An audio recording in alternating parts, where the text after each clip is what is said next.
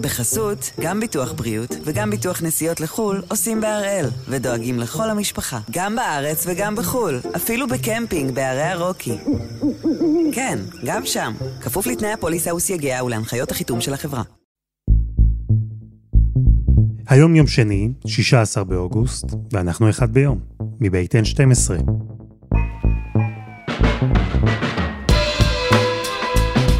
אני אלעד שמחיוף, ואנחנו כאן כדי להבין טוב יותר מה קורה סביבנו, סיפור אחד ביום, כל יום. מעטים, אם בכלל, האמינו. מעטים האמינו שעוד יש דבר כזה ארגון טליבן מתפקד. מעטים עוד יותר האמינו שהארגון הזה יוכל לכבוש שוב את אפגניסטן. ומעטים אפילו יותר מזה חשבו שהכיבוש הזה ייקח ימים בודדים בלבד. אתמול, הטליבן השלים את הכיבוש של אפגניסטן. הלוחמים שלו כיתרו את הבירה כאבול, הנשיא האפגני ברח, הצבא האפגני נכנע, וכאילו ברגע, ממש ברגע, אפגניסטן חזרה 20 שנה אחורה, אבל בעצם חזרה מאות שנים אחורה. בחלום על דמוקרטיה, והם כבר כמעט נגעו בה, חזרו בחזרה אל המשטר הכי קשה שיש. אז הפעם אנחנו בפרק מיוחד על הנפילה של אפגניסטן. שני אנשים יספרו לנו את הסיפור הזה, איתי אנגל, עיתונאי עובדה, שהיה באפגניסטן כשהאמריקנים פלשו אליה, כשסיקר את המלחמה עבור חברת החדשות, ויחד עם איתי נשמע את העדות המדהימה של זעיר, שבמשך השבועות האחרונים סיפר עבורנו מה קורה שם, וממש עכשיו מחכה יחד עם אשתו וארבעת ילדיו בנמל התעופה בכאבול, מקווה שיצליחו להימלט, וכך חייהם ינצלו.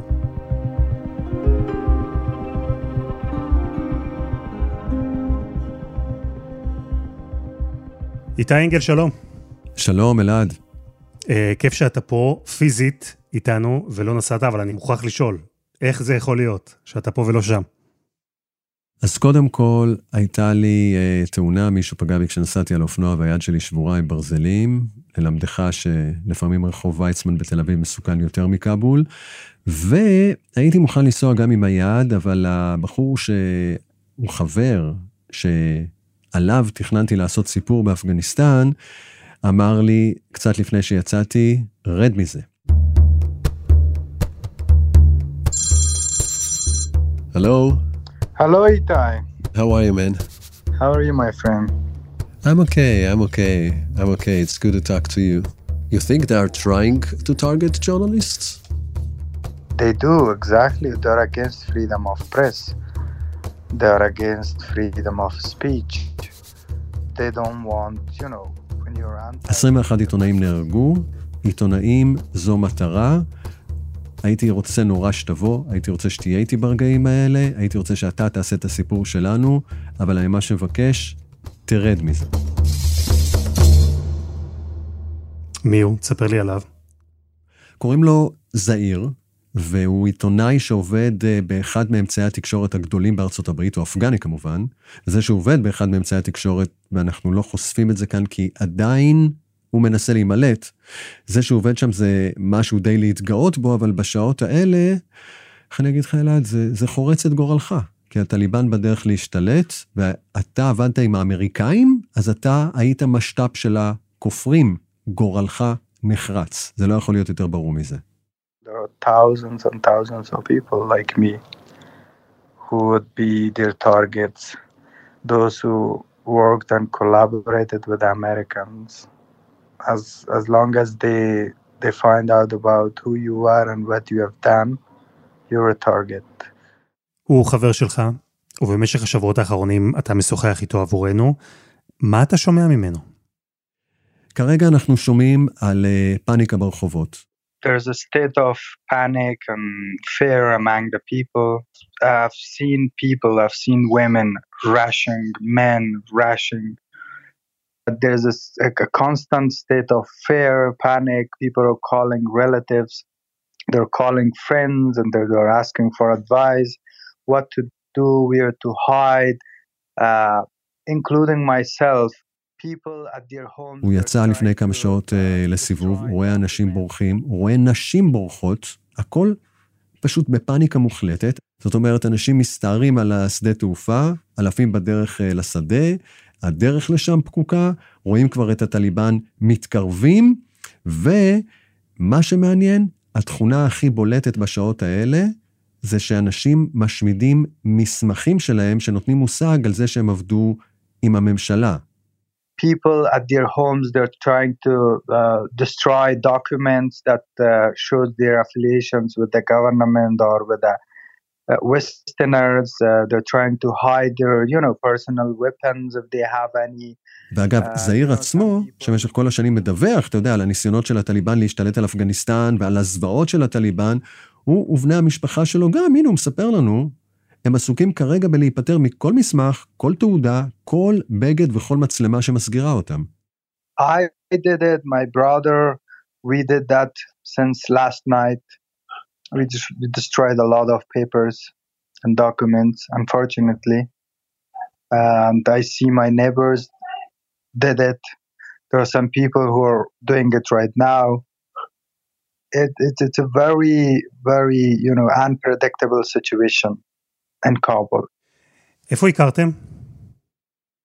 אנחנו הכרנו לפני שנתיים, הייתי במלגה, 17 עיתונאים מכל העולם. לשמחתי הייתי אחד מהם באוניברסיטת אה, מישיגן באן ארבור, וזעיר היה גם, אתה יודע, עיתונאי אפגני אדיר. אדיר, אתה יודע. הוא הסתכן באמת ברמה שהחיים שלו היו כל כך הרבה פעמים ניצלו במקרה. ועצם זה שהכרתי אותו לפני שנתיים באן ארבור, זאת אומרת שהכרתי גם את אשתו ואת ארבעת הילדים שלו. מאז נעשינו חברים, מאז גם חשבנו על הרגע שבו אני אבוא שוב אה, לאפגניסטן, ושתבין, הוא עצמו כמובן מוסלמי, מאמין. אבל מבחינתו, החבר'ה האלה, הטליבן, שבהרבה מובנים, לא פחות ואפילו יותר גרועים בתפיסת שריעה שלהם מדאעש, הם הולכים לגמור לא רק את אשתו ולא רק את הילדים שלו, אלא את כל בני המשפחה שלו, כי הם קשורים לזעיר שעבד בעיתון האמריקאי ההוא. אז זהו, שאנחנו קוראים לו כאן זעיר, זה לא השם האמיתי שלו, ולמרות שהוא אמר לך שהוא מוכן להיחשף, אנחנו החלטנו לא לזהות פרטים שלו, כדי לשמור עליו ועל המשפחה. וממש עכשיו, ממש עכשיו, ברגע הזה שבו אתה ואני משוחחים, זעיר והמשפחה שלו נמצאים בנמל התעופה, מנסים לעלות על טיסה שתוציא אותה מאפגניסטן, ואתה ממשיך לקבל ממנו עדכונים כל הזמן, אפילו עכשיו. ממש ככה. אגב, הוא בעצמו אמר, תקשיב, איתי, לך על זה. אני כבר ניסיתי הכל, נתתי הכל, אתה יכול לספר את הסיפור שלי, אני לא יודע אם זה סוף הסיפור שלי, או שזה באמת, אני אצליח אה, להימלט מפה במסוקים והמטוסים האחרונים שממריאים מכבול. אה, תספר את הסיפור שלי. אני בוחר, אנחנו בוחרים כאן, בכל זאת לא להזכיר את השם שלו, את המקום שבו הוא עובד, עד שהוא באמת יצליח להימלט שוב, אם הוא יצליח להימלט. What about you? Are you afraid? I am.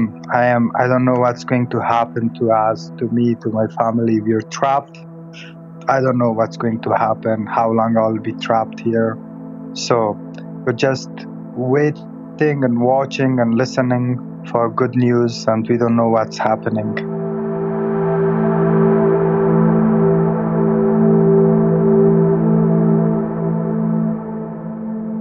יש הרבה נקודות שבהן אפשר להתחיל את הסיפור הזה, הסיפור של אפגניסטן, אה, אבל אני רוצה להתחיל בנקודה שבה אתה היית נוכח פיזית. וזה קרה לפני 20 שנה, בעצם עם הפלישה האמריקנית. היית שם. תתאר לי, דבר ראשון, איך הייתה האווירה, מה היו המטרות, מה האמריקאים ראו לנגד עיניהם. אז תראה, קודם כל יצאתי לדרך מניו יורק, אחרי uh, 9-11, ועל רקע ההריסות היה רגע אדיר מבחינת הנשיא ג'ורג' בוש. הוא הגיע לשם, אפשר להגיד הרבה דברים על ג'ורג' בוש, אבל, אבל הוא סחבק בצורה שבדיוק התאימה למה שכולם דרשו. הוא חיבק את האחראי על כוחות הכיבוי, נהרגו המון כבאים אז, הוא התחיל לספר על זה שזה רגע קשה לאמריקאים. מישהו מרחוק, איזה כבאי על הריסות מרוחקות, אמר שלא שומעים אותך טוב, אז הוא אמר, אבל אני שומע אותך. ועוד מעט כולם ישמעו לא רק אותך, גם האלה באפגניסטן ישמעו מאיתנו. I can hear you.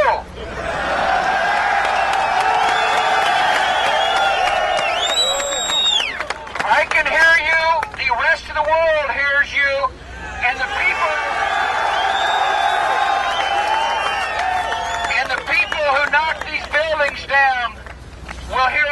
soon.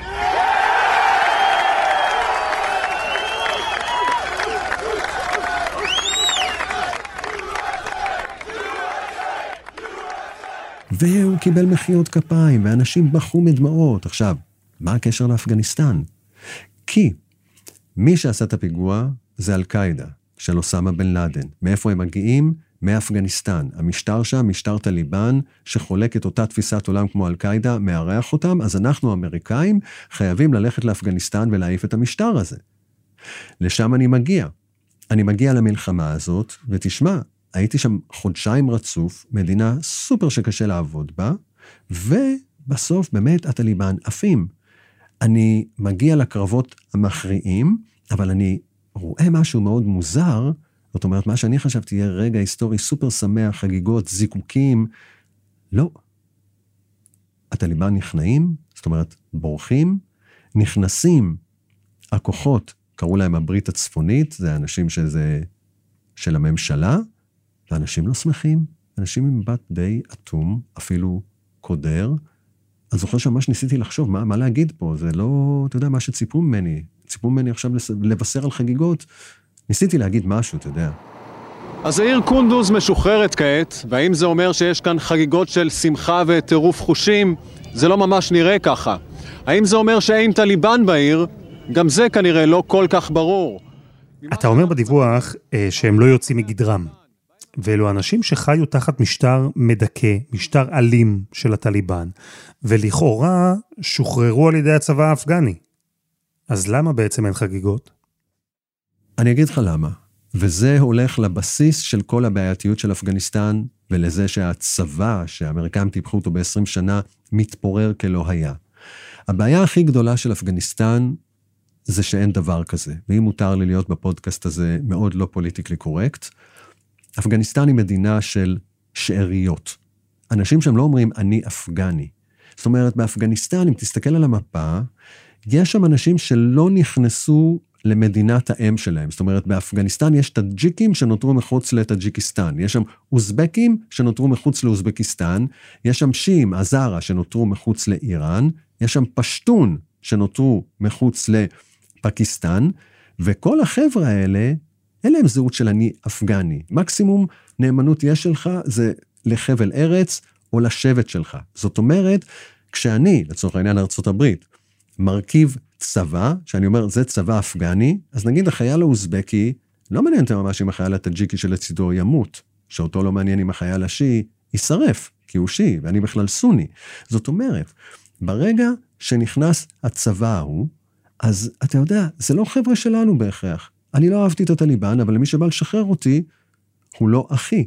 ועוד משהו, בגלל שזה ערב רב של שבטים שלא כל כך מסמפתים אחד את השני, אני ראיתי בשידור הזה, וצילמתי את זה, אני לא האמנתי שאני מצלם את זה. לינץ' שאנשים עושים בשידור חי, כי הם רצו להתחנף לצבא החדש, אז אתה רואה אותם ממש מושכים חיילים ואומרים, הנה, הנה, האיש הזה, הוא, הוא טליבן. הוא טליבן, באמת, ואתה רואה את האיש הזה, שהוא לא מבין מאיפה זה בא לו, למה אתם אומרים את זה? לא, לא, לא. אבל גורלו נחרץ, כי באים אליו, ואני ממש מצלם, המצלמה שלי קולטת את זה. איך נותנים לו מכות עם מכת בפנים, מעלים אותו למשאית, גוררים אותו איזה 100 מטר הצידה, ואותו יחד עם עשרות אחרים פשוט מוציאים להורג. ואומנם, זמן קצר לאחר מכן מתחיל ציד המכשפות בקונדוז. האיש הזה נחשד כאן כי מסייע לטליבן מפקיסטן, ונראה שגורלו נחרץ.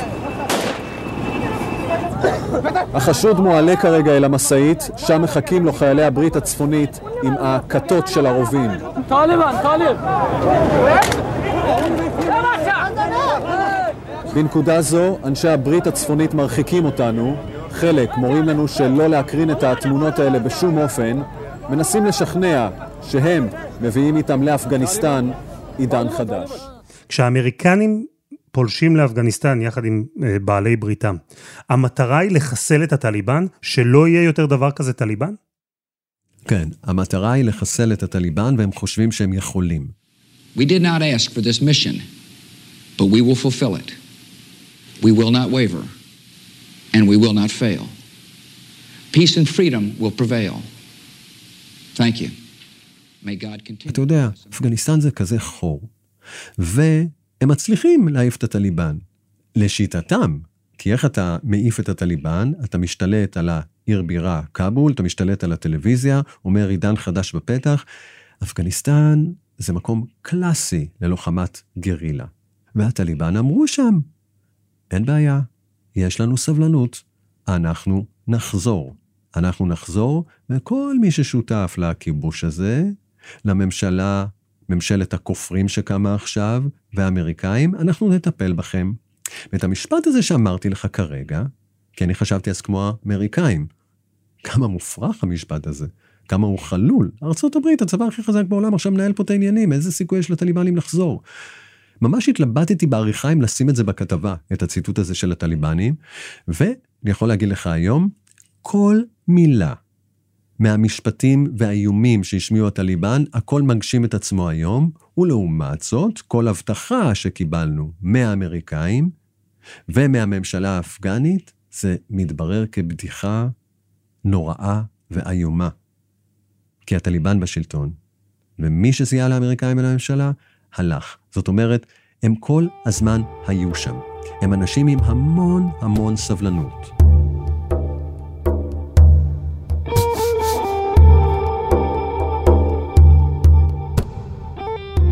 אז אני רוצה שנדבר רגע על הטליבן, כי בשיחה האחרונה שלנו דיברנו על דאעש.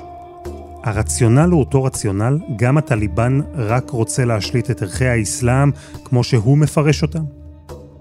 מה ההבדל בין הטליבן לבין דאעש? דאעש בכלל לא מאמינים במושג של מדינה. הם רוצים להחזיר את מה שהיה פה פעם, שזו חליפות, לפני שהיו מדינות לאום, מדינות ריבוניות. לכן הם בנו את המדינה האסלאמית ולצורך המימוש שלה צריך להרוס את כל המדינות. גם את סוריה, גם את עיראק, גם את ישראל, גם ארה"ב, גם שוודיה, גם מדינת פלסטינים תקום. אסור מדינה ריבונית. הם רוצים, הטליבן, וזה שונה מדאעש, שתהיה אפגניסטן. אפגניסטן היא שלהם, והם קוראים למה שהם קוראים לא מדינה אסלאמית, אלא אמירות. לא חליפות, אבל אנחנו פה לא הולכים לדבר בשום מושגים של מדינה, רק אנחנו ואלוהים מעלינו. משום שאנחנו שליחים של אלוהים, אנחנו עושים מה שעשו המוסלמים הראשונים. זאת אומרת, אני חוזר למקום הכי פרימיטיבי. עוד לפני שהייתה תורה שבעל פה לאסלאם, אני הדבר האמיתי. לכן שוב, כמו כשדיברנו על דאעש, יש לאנשים האלה שכנוע עצמי טוטאלי שהם עושים את הדבר הטוב. זה שהם חונקים מישהו ברחוב עם אגזוז, או זה שמוציאים מישהי להורג, ברור להם שזה מבחינתם מה שאלוהים או מוחמד היו רוצים שיעשה. זאת המדינה שאני רוצה להקים? לא רוצה, אני מחויב. זה מה שמוחמד ואלוהים היו רוצים. אני יכול להגיד לך שהטליבן. תקרא לזה שבט, כארגון, כתפיסה, נטוע חזק מאוד בחברה האפגנית. רוב האנשים לא תומכים בהם, אבל מבחינה שבטית יש אנשים שזה מתאים להם. ואנחנו שומעים את החבר שלנו, זעיר, שוב, שהוא איש נבון, אינטליגנט, האישה שלו רוצה להמשיך ללמוד וליצור, אבל יש לך מקומות אפלים במדינה שעדיין הגיוני שאתה תוכל להחליף את האישה בשתי כבשים, ואני לא הגזמתי כרגע. או שכמו שהיה במשטר של הטליבן, אם חס וחלילה אונסים אישה והיא לא יכולה להוכיח את זה, אז לא רק שלא מטפלים במקרה הזה, אלא מענישים אותה בנעוף. ואחד העונשים היה להוציא אותה להורג, לא סתם, אלא באיצטדיון הכדורגל, באיצטדיון המרכזי של כבול, כשהוא מלא בעשרות אלפי צופים כדי שיראו. זו הייתה התרבות, זה היה הכיף של אנשים. ותשמע אגב את זעיר נזכר בימים האלה שהם הסתובבו שם ברחובות. I remember there was there was a time that the Taliban was in power. and almost 95% of the territory in Afghanistan. The first people to grow beard, the first women to wear burqas and and stay at home and don't work and, and don't come out in public without a chaperone or a male relative. They had police on the roundabouts in Kabul who would stop passerbys and check their beards that it's long enough. Uh, they would even take men to a private place and check the underarm hair that you have, the pubis that men and women have. So they would even check that from behind the cloth. They would touch. You need to clean that. You need to always trim and shave your private parts. אתה יודע, היה לי קשה לתרגם את מה שהוא אומר. הטליבן קודם כל בדקו שעצרו אותך ברחוב, שהזקן שלך מספיק ארוך. אחרי זה, כמובן לאישה, בדקו שהיא לבושה בבורקה, שלא רואים סנטימטר מהפנים שלה. לגברים, הם גם הורידו את המכנסיים ונגעו באיברים האינטימיים שלהם, כי על פי השריעה של החבר'ה האלה, אתה צריך לגלח את שיער המבושים שלך. ושוב, אנחנו חשבנו שלא שמענו טוב, אבל זהיר מבהיר לנו טוב מאוד, הם נוגעים באיברים האינטימיים שלך כדי לבדוק את זה. אתה מבין, זה מוציא אותו מדעתו כמוסלמי מאמין. ועוד דוגמה, מי שמעשן, עוד uh, צורה של כפירה, תקשיב למה הם עושים לו. If you try to smoke and they caught you, they would put your mouth in the vehicle's exhaust and then they would accelerate to give you that bad, you know, smoke from a car so that you stop smoking. וגם כאן, אתה יודע, קשה לקלוט את התרגום הזה, אבל אתה עישנת, אתה כפרת, איך אני אגרום לך לא לעשן, אם אני לא מוציא אותך מיד להורג? הם פותחים להם בכוח את השפתיים, ומכניסים לתוך הפה שלהם אגזוז של מכונית, מפעילים אותו כדי שכל העשן ייכנס לו פנימה. או כדי לחנוק ושהוא ימות ברחוב, או שיחווה את החוויה הפיזית הכי נוראה ולא יעשה את זה עוד פעם. זה המשטר שהיה, וזה המשטר שמתחיל מהיום.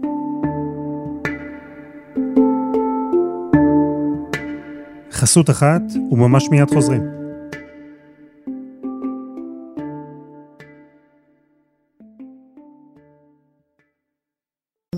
בחסות, גם ביטוח בריאות וגם ביטוח נסיעות לחו"ל עושים בהראל, ודואגים לכל המשפחה, גם בארץ וגם בחו"ל, אפילו בקמפינג בערי הרוקי. כן, גם שם, כפוף לתנאי הפוליסה וסייגיה ולהנחיות החיתום של החברה. איתי אנגל, אנחנו עם הסיפור של הנפילה המהירה של אפגניסטן לידי הטליבן, ואני לפחות חייב לומר לך שאותי הסיפור הזה הפתיע מאוד, כי ראינו בתוך ימים ארגון שלכאורה כבר יצא לחלוטין מחיינו, מצליח לכבוש את כל המדינה.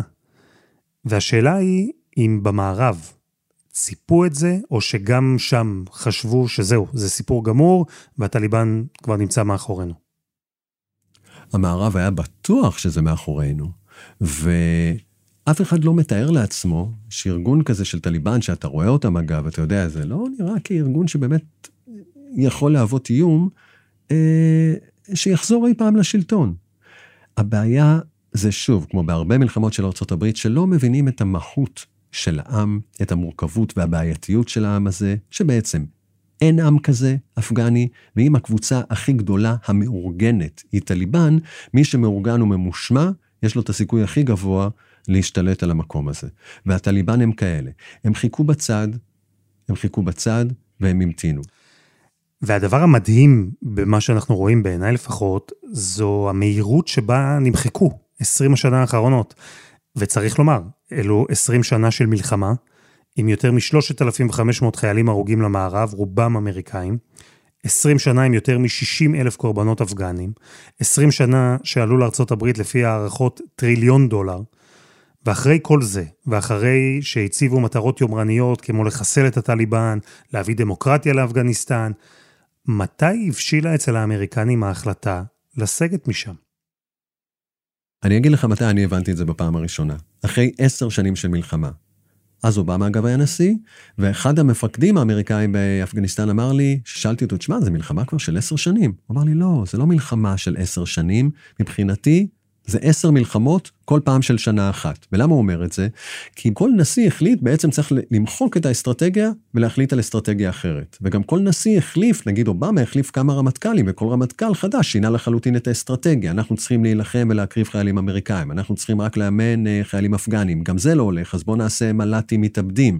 אנחנו צריכים להגיע להסדר כי גם זה לא הולך, אבל הסדר, אנחנו נכפה אותו. בחיים אנחנו לא מדברים עם הטליבן, ואז בא נשיא חדש. לא, אנחנו חייבים לדבר עם הטליבן, רק עם הטליבן, רק עם מל"טים. זאת אומרת, כל פעם הם מתחילים לשנות, וכשבאמת ניסו להשקיע, תחשוב, 20 שנה, התסכול נעשה טוטאלי, ואתה מבין שאתה מתמודד מול אנשים שיש להם את כל הסבלנות שבעולם.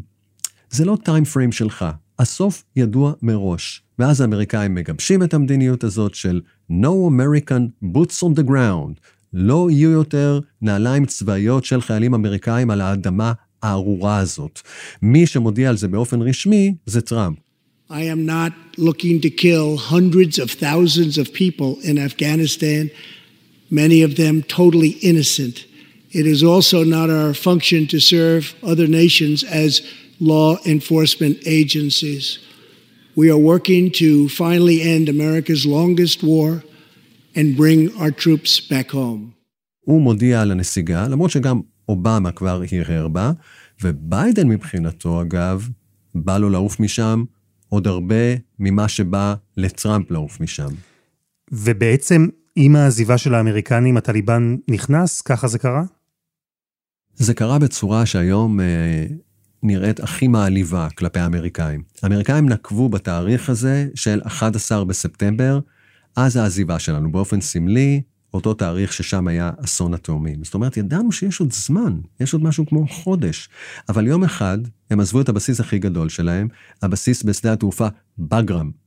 ופתאום כולו התפנה. מאלפי אנשים, ממאות מטוסים ומל"טים מתאבדים שהיו שם, הכל נעלם. אגב, הם לא עדכנו אפילו את האפגנים שעבדו איתם בשדה הזה. כל אלה שעשו איתם את הלוגיסטיקה, פתאום האלה הבינו שהם חשופים. החבר'ה שאמורים היו להגן עליי, כבר לא פה. וברגע שהטליבן מבין שהאמריקאים לא בבאגרם, זאת אומרת, אין יותר תקיפות מהאוויר של האמריקאים. אני מבין כטליבן שהמדינה פתוחה בשבילי. והצבא האפגני במקביל מבין שזהו. הצלחנו להילחם לא רק כשהאמריקאים נתנו לנו את הגב האווירי הזה, אבל אין יותר גב אווירי. זה רק הרובים שלי והנחישות של החיילים שלי, ומכאן הכל קורס כמו דומינו. קצב הכיבוש של הטליבן בימים אלה זה קצב ההליכה שלהם. אין התנגדות, לא היו קרבות. עיר אחרי עיר, ג'לאלבד, לשקרגה, קונדוז, איפה שאני הייתי, כולן נפלו בלי קרב. ברגע שהייתה ההבנה שהכל נגמר, אז אותו צבא, שאין לו שום באמת אה, תחושה שהוא מייצג משהו אפגני, עזב. וככה הם מתקדמים ממש, אתה יודע, בקצב של ההליכה. כשהטליבן כובש כפר או עיר, זה אומר שאנחנו חזרנו להיות אה, כמו לפני 20 שנה? אותו טליבן, אותם חוקים? חד משמעית, חד משמעית. מה שחשוב אגב, אגב ההצהרות המפויסות של הטליבן, אנחנו כאן אבל אנחנו לא רוצים לפגוע באזרחים, וגם אנחנו מוכנים לסלוח לאנשים ששירתו כחיילים בצבא של הממשלה הכופרת. וואלה, תסתכל על התמונות המאוד נדירות שיש אומץ גדול לאנשים ששולחים אותם, שמעלים מקונדוס, מג'לאלבד, הם נכנסו, השתלטו, מגיעים לרדיו, מגיעים לטלוויזיה, משמיעים את התפילות, מרימים את הדגל שלהם הלבן של הטליבן, ותמיד אתה יכול לראות גופות מפוזרות של כופרים. שוב, אני עושה משהו שאני מחויב לעשות, אין לי סמכות ממוחמד ומאלוהים לסלוח להם. לא. כי לפי התפיסה של השריעה אני צריך לגמור אותם. אז אתה בעצם קיבלת מהמחוזות האלה, מהכפרים, מהערים האלה, את המושג על מה שהולך להיות. אתה קולט? נגמר. עיר אחרי עיר, מחוז אחרי מחוז, והעניין הוא שגם אתה לא יכול כבר יותר לשמוע ביקורת. זהו. כרגע מי שיוציא ביקורת, הם יגיעו אליו. ובגלל זה, זעיר שלנו, אנחנו קוראים לו זעיר, כי אתה יודע, כי אם הם שומעים את הפודקאסט הזה, אנחנו יכולים רק לדמיין. There are rumors that the Taliban are uh, forcing uh, underage girls to marry them. And, uh, you know, well, there's uh, rumors of rape, which the Taliban do not confirm. שמעת את זעיר מתאר איך הם לוקחים נערות צעירות ומחתנים אותן בכוח עם הלוחמים, עם הג'יהאדיסטים שלהם, שזה אקט ג'יהאדיסטי קלאסי, גם דאעש עושים את זה. ויש גם שמועות על אונס, שכמו שזעיר אומר, הטליבן מכחישים, אבל אתה יודע, הכחשה או לא, זה, זה טליבן. זה הארגון הכי אפל שיש לך על פני כדור הארץ. כולם נמלטים, וזה קורה בקצב, אגב, שאני לא חשבתי שיקרה. אז כרגע הכל גמור, וכרגע כבול חנוכה, ואנשים ברחו לכבול בכל המחוזות, והם פשוט כמו נמלים, לאן ללכת, מה לעשות. וזה נורא עצוב, כי אין תשובות. אתם תקועים פה, ואתם תקועים במשטר הכי אפל על פני כדור הארץ, שמ... השעות הבאות חוזר בכל הכוח. וזהיר, אה, וזו נקודה ששווה להדגיש, החבר שלך, אפגני, מוסלמי, מדבר איתך, עיתונאי יהודי ישראלי, הוא משתף את החוויות הקשות שהוא חווה שם בתקופה הזו. אותו, זה מפתיע מה שאנחנו רואים? הוא הבין שלשם זה הולך? זהו בדיוק, הוא מספר לנו שאפילו הוא, עם כל הידע שלו, האדיר, לא תפס את לוח הזמנים הזה, אתה יודע, כי נאמר שעד לפני שבוע הוא היה יכול לקחת מכונית ולנסוע עד הגבול עם פקיסטן. אבל כבר לא, כי כמה ימים אחרי זה, הטליבן בעצם השתלטו על כל הדרכים, והעיר שממנו הוא מגיע, כבול, הייתה חנוכה. I don't know what's going to happen to us, to me, to my family. We're trapped. There's no way we could apply for any visas. There's no way we could drive to any embassies or anywhere. It's just really, you know, it's, it's, it's a nightmare. וכמו שאתה שומע אותו פה, הוא אומר, I'm trapped. אני והמשפחה שלי. זאת אומרת, הדרך היחידה להגיע זה לשדה התעופה. הוא מדבר עם הארגון, ארגון התקשורת האמריקני, שיש לו סופר השפעה, שהוא מחויב בעצם למלט אותו החוצה. אבל הארגון הזה שהיה צריך לדאוג לזה לפני כמה שבועות, חשב, יש לנו את הזמן. אף אחד לא קלט מה קורה פה.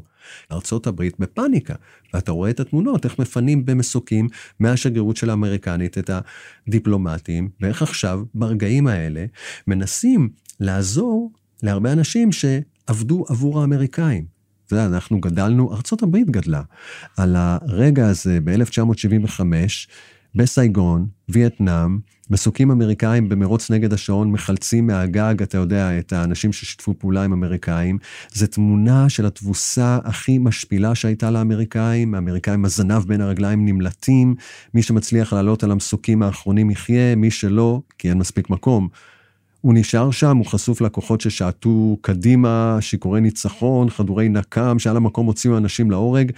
זאת התמונה הכי מפחידה להיסטוריה האמריקנית, ולג'ו ביידן הזכירו את זה לפני uh, יומיים, אמרו לו, יכול להיות שכאבול 2021 תהיה סייגון 1975?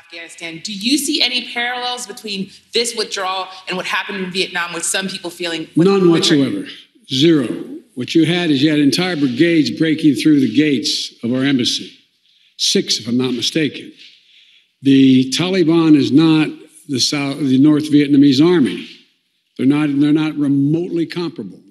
והוא פתר את זה די בזלזול, שזה רק מוכיח לך עד כמה ביידן ובכלל ממשלת ארה"ב לחלוטין מנותקים מההבנה והקצב של האירועים, הם העריכו שהטליבן יגיע לכאבול תוך שלושה חודשים, והנה זה קרה כבר תוך שלושה ימים, או עד כמה, אם הם לא מנותקים, באמת לא אכפת להם. זאת אומרת, זה על תקן של That's life, היינו פה, אנחנו עוזבים, מלחמה הכי ארוכה בהיסטוריה שלנו, 20 שנה, לא הולך, אז בעיה שלכם, תתמודדו, ביי.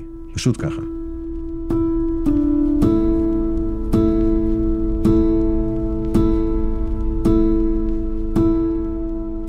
ועם השלב האחרון במסע של הטליבן, כיבוש כבול, רבבות תושבים נמלטו אתמול על נמל התעופה בניסיון נואש להימלט מהמדינה, ואלו כמובן אנשים שחוששים לחייהם, אנשים שאולי שיתפו פעולה עם ארצות הברית בצורה כזו או אחרת.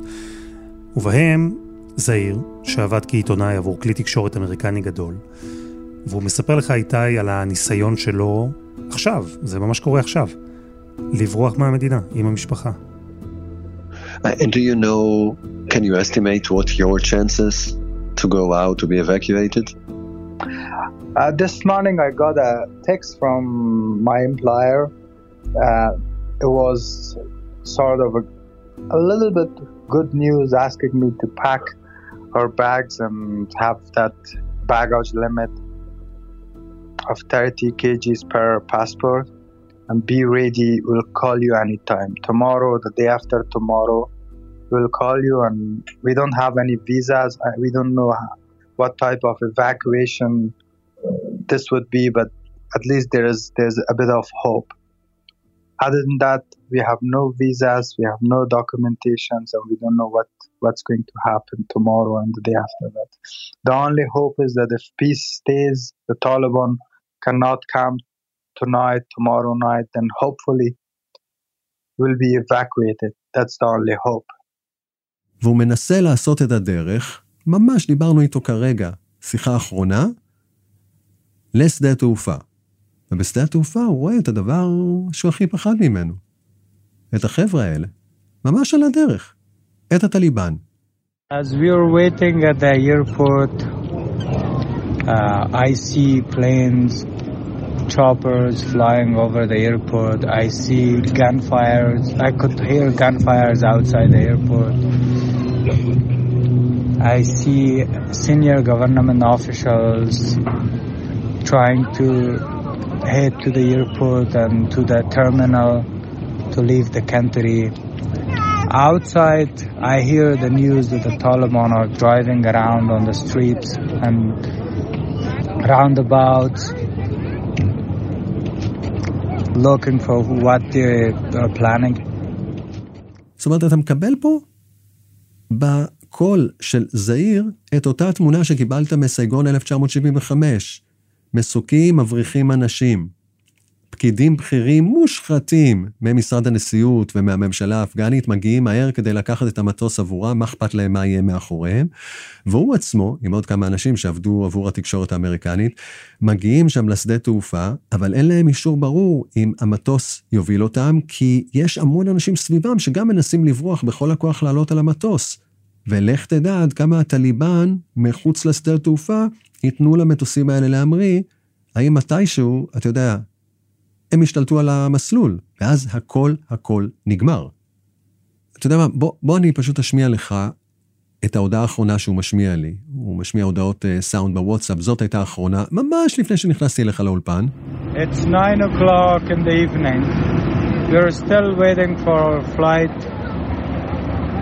And there is no sign of any plane flying.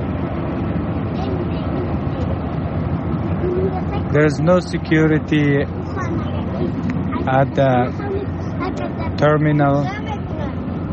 There's no one to help guide the passengers.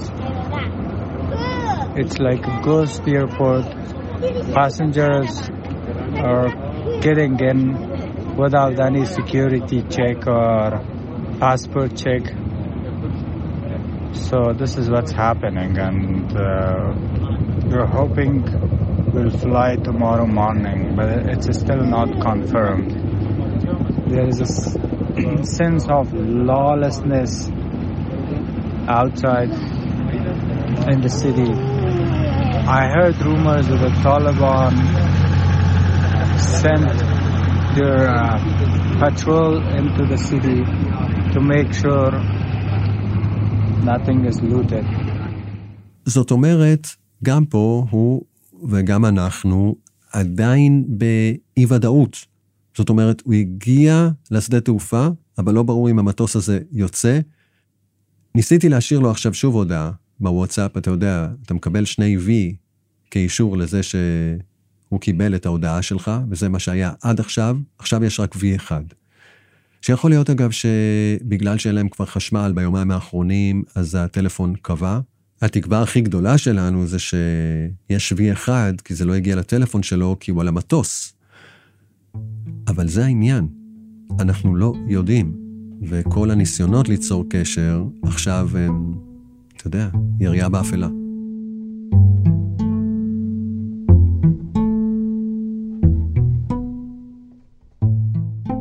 If you leave Afghanistan, do you think that you will ever be able to be back in Afghanistan? You wish for something better to have the rain in Afghanistan? Uh, you know, after all, I've lived most of my life here. I, I have, you know, an attachment to this country that, that's hard to break, that's hard to cut loose. So I wish things go well and there is peace and stability and this current fighting is ended somehow that I could come back and you know see my people and, and, and, just see those who live here with happy faces and you know by one person living leaving the country, things will not. I mean, it doesn't really change the fate of an entire nation. So I still hope.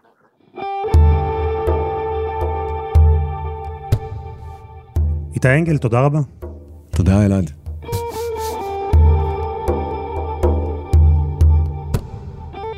השעה עכשיו שתיים בלילה בישראל, שלוש וחצי לפנות בוקר באפגניסטן, ונכון לעכשיו, זעיר ומשפחתו עדיין בנמל התעופה, הם עדיין לא הצליחו לעלות על המטוס שיוציא אותם מכאבול, ואיתי אנגל נשאר בקשר רציף איתו, ואנחנו נעדכן על מצבו של זעיר גם כאן בימים הקרובים, וגם בקבוצת הפייסבוק שלנו. וזה היה אחד ביום, של N12, העורך שלנו הוא רום אטיק, בצוות עדי חצרוני ודני נודלמן, על הסאונד יאיר בשן, שגם ערך את מוזיקת הפתיחה שלנו, ואני אלעד שמחיוף, ואנחנו נהיה כאן גם מחר.